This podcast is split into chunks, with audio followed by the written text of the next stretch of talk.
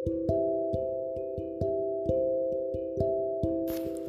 Bapak Ibu Saudara-saudara sekalian. Saat ini kita akan kembali merenungkan firman Tuhan Dan teks firman Tuhan yang akan kita renungkan dari Mazmur pasal yang ke-133 Namun sebelumnya mari kita berdoa. Bapa kami di surga, terima kasih untuk kasih setia dan kebaikanmu dalam kehidupan kami. Kami kembali lagi hari ini akan merenungkan firman Tuhan yang berasal dari Mazmur pasal yang 133 Biarlah Tuhan memberikan kepada kami pengertian untuk bisa memahami ayat ini ya Tuhan. Terima kasih terpujilah Engkau dalam nama Yesus kami berdoa. Amin. Bapak Ibu Saudara-saudara, saya akan membacakan uh, Mazmur pasal yang ke-133 ini yang terdiri dari tiga ayat saja yang diberikan judul Persaudaraan yang Rukun oleh Lembaga Alkitab Indonesia. Firman Tuhan berkata, nyanyian ziarah Daud. Sungguh alangkah baiknya dan indahnya apabila saudara-saudara diam bersama dengan rukun, seperti minyak yang baik di atas kepala meleleh ke janggut yang melelehkan ke janggut Harun dan ke leher jubahnya. Seperti embun gunung Hermon yang turun ke atas gunung-gunung Sion. Sebab ke sanalah Tuhan memerintahkan berkat kehidupan untuk selama-lamanya.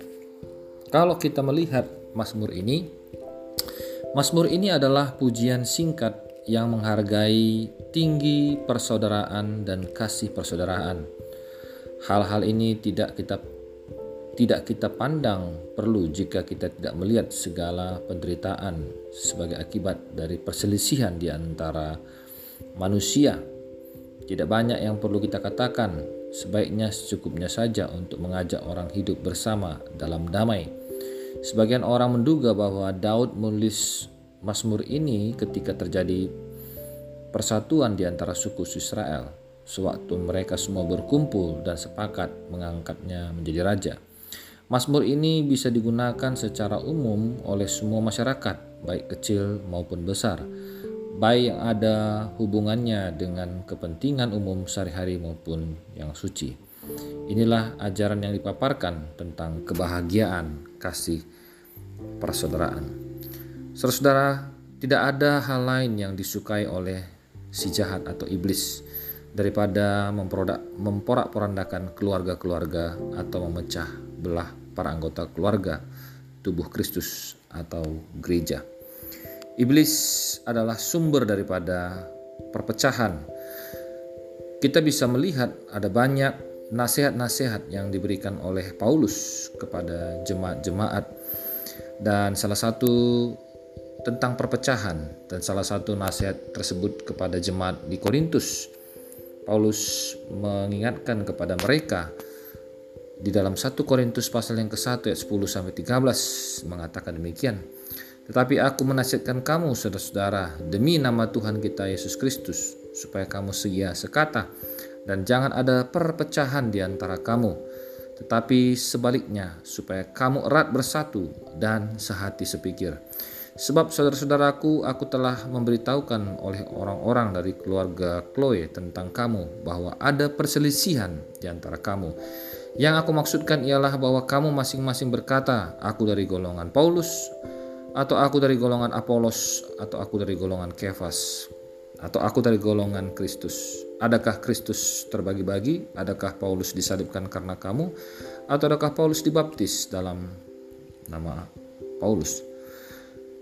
Adalah kamu dibaptis dalam nama Paulus? Saudara-saudara Paulus juga menasihatkan kepada jemaat di Filipi agar mereka sehati sepikir saling merendahkan diri dan saling mengasihi Hal ini terjadi di uh, gereja juga, di mana gereja bisa terpecah, mengalami ketidaksatuan.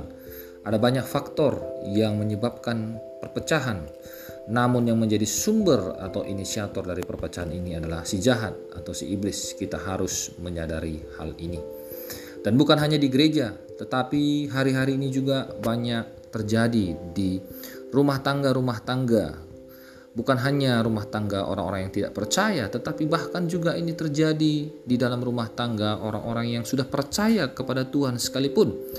bahkan terjadi perceraian di antara rumah tangga, perselisihan, perpecahan yang tidak lagi bisa diselesaikan dan pada akhirnya memutuskan untuk berpisah atau bercerai.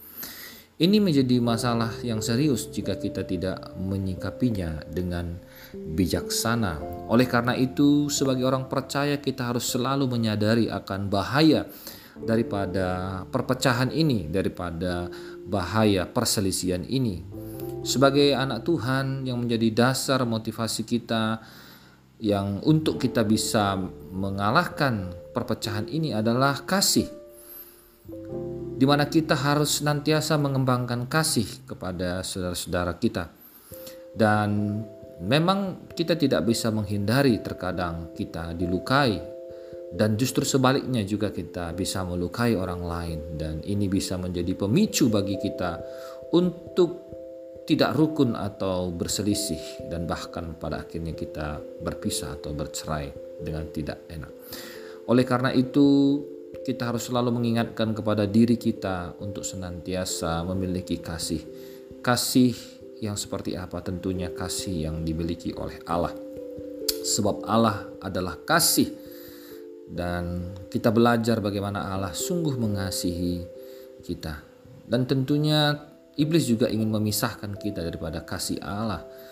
Oleh karena itu, kita juga harus senantiasa berwaspada terhadap kasih kita kepada Allah jangan sampai kita menjadi dingin dan pada akhirnya kita terpengaruh oleh iblis sehingga kita jauh dari Allah, jauh dari kasihnya dan terpisah dari kasihnya.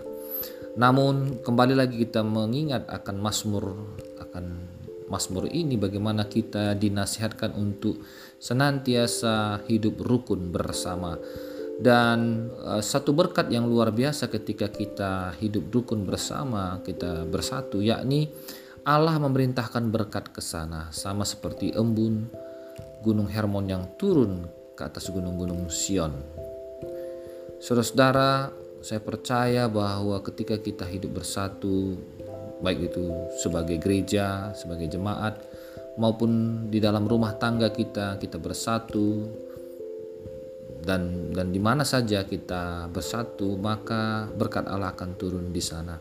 Saya percaya bahwa kesatuan itu mendatangkan berkat dan marilah kita di dalam kehidupan kita di dalam rumah tangga kita maupun di dalam kehidupan kita bergereja kita senantiasa mengupayakan agar kita bisa hidup diam bersama-sama dengan rukun bersatu dengan keluarga kita dengan teman-teman seiman kita dan juga dengan rekan-rekan kita di dalam gereja. Kesatuan itu penting dan oleh karena itu mari kita senantiasa saling merendahkan diri, saling mengasihi, saling menghormati, saling menghargai dan kita juga saling memaafkan jikalau ada saudara-saudara kita yang pernah melukai kita. Oleh karena itu, marilah kita bersatu. Bersatu tidak harus kita menjadi sama seragam ya. Tetapi hendaklah unity in diversity. Kesatuan itu bisa diwujudkan di dalam perbedaan-perbedaan. Kadang-kadang kita berbeda pendapat berbeda ide berbeda karakter dan banyak perbedaan-perbedaan kita satu dengan yang lainnya. Dan justru di situlah kita bisa untuk uh, membuktikan bahwa kita tetap bisa bersatu walaupun kita berbeda pendapat walaupun kita tidak sama ya kehidupan kita menjadi sangat indah karena ibaratkan warna-warna itu menjadi lukisan yang indah ketika memiliki banyak warna. Kalau hanya satu warna saja, maka lukisan itu sepertinya kurang indah. Dan oleh karena itu, mari kita wujudkan kesatuan di dalam perbedaan-perbedaan yang ada. Dan mari kita saling merendahkan diri. Biarlah firman Tuhan ini menjadi kekuatan dan perlindungan bagi kita. Amin. Terima kasih Tuhan untuk firman-Mu, berkati setiap kami, dan biarlah firman ini menjadi kekuatan bagi kami. Haleluya. Amin.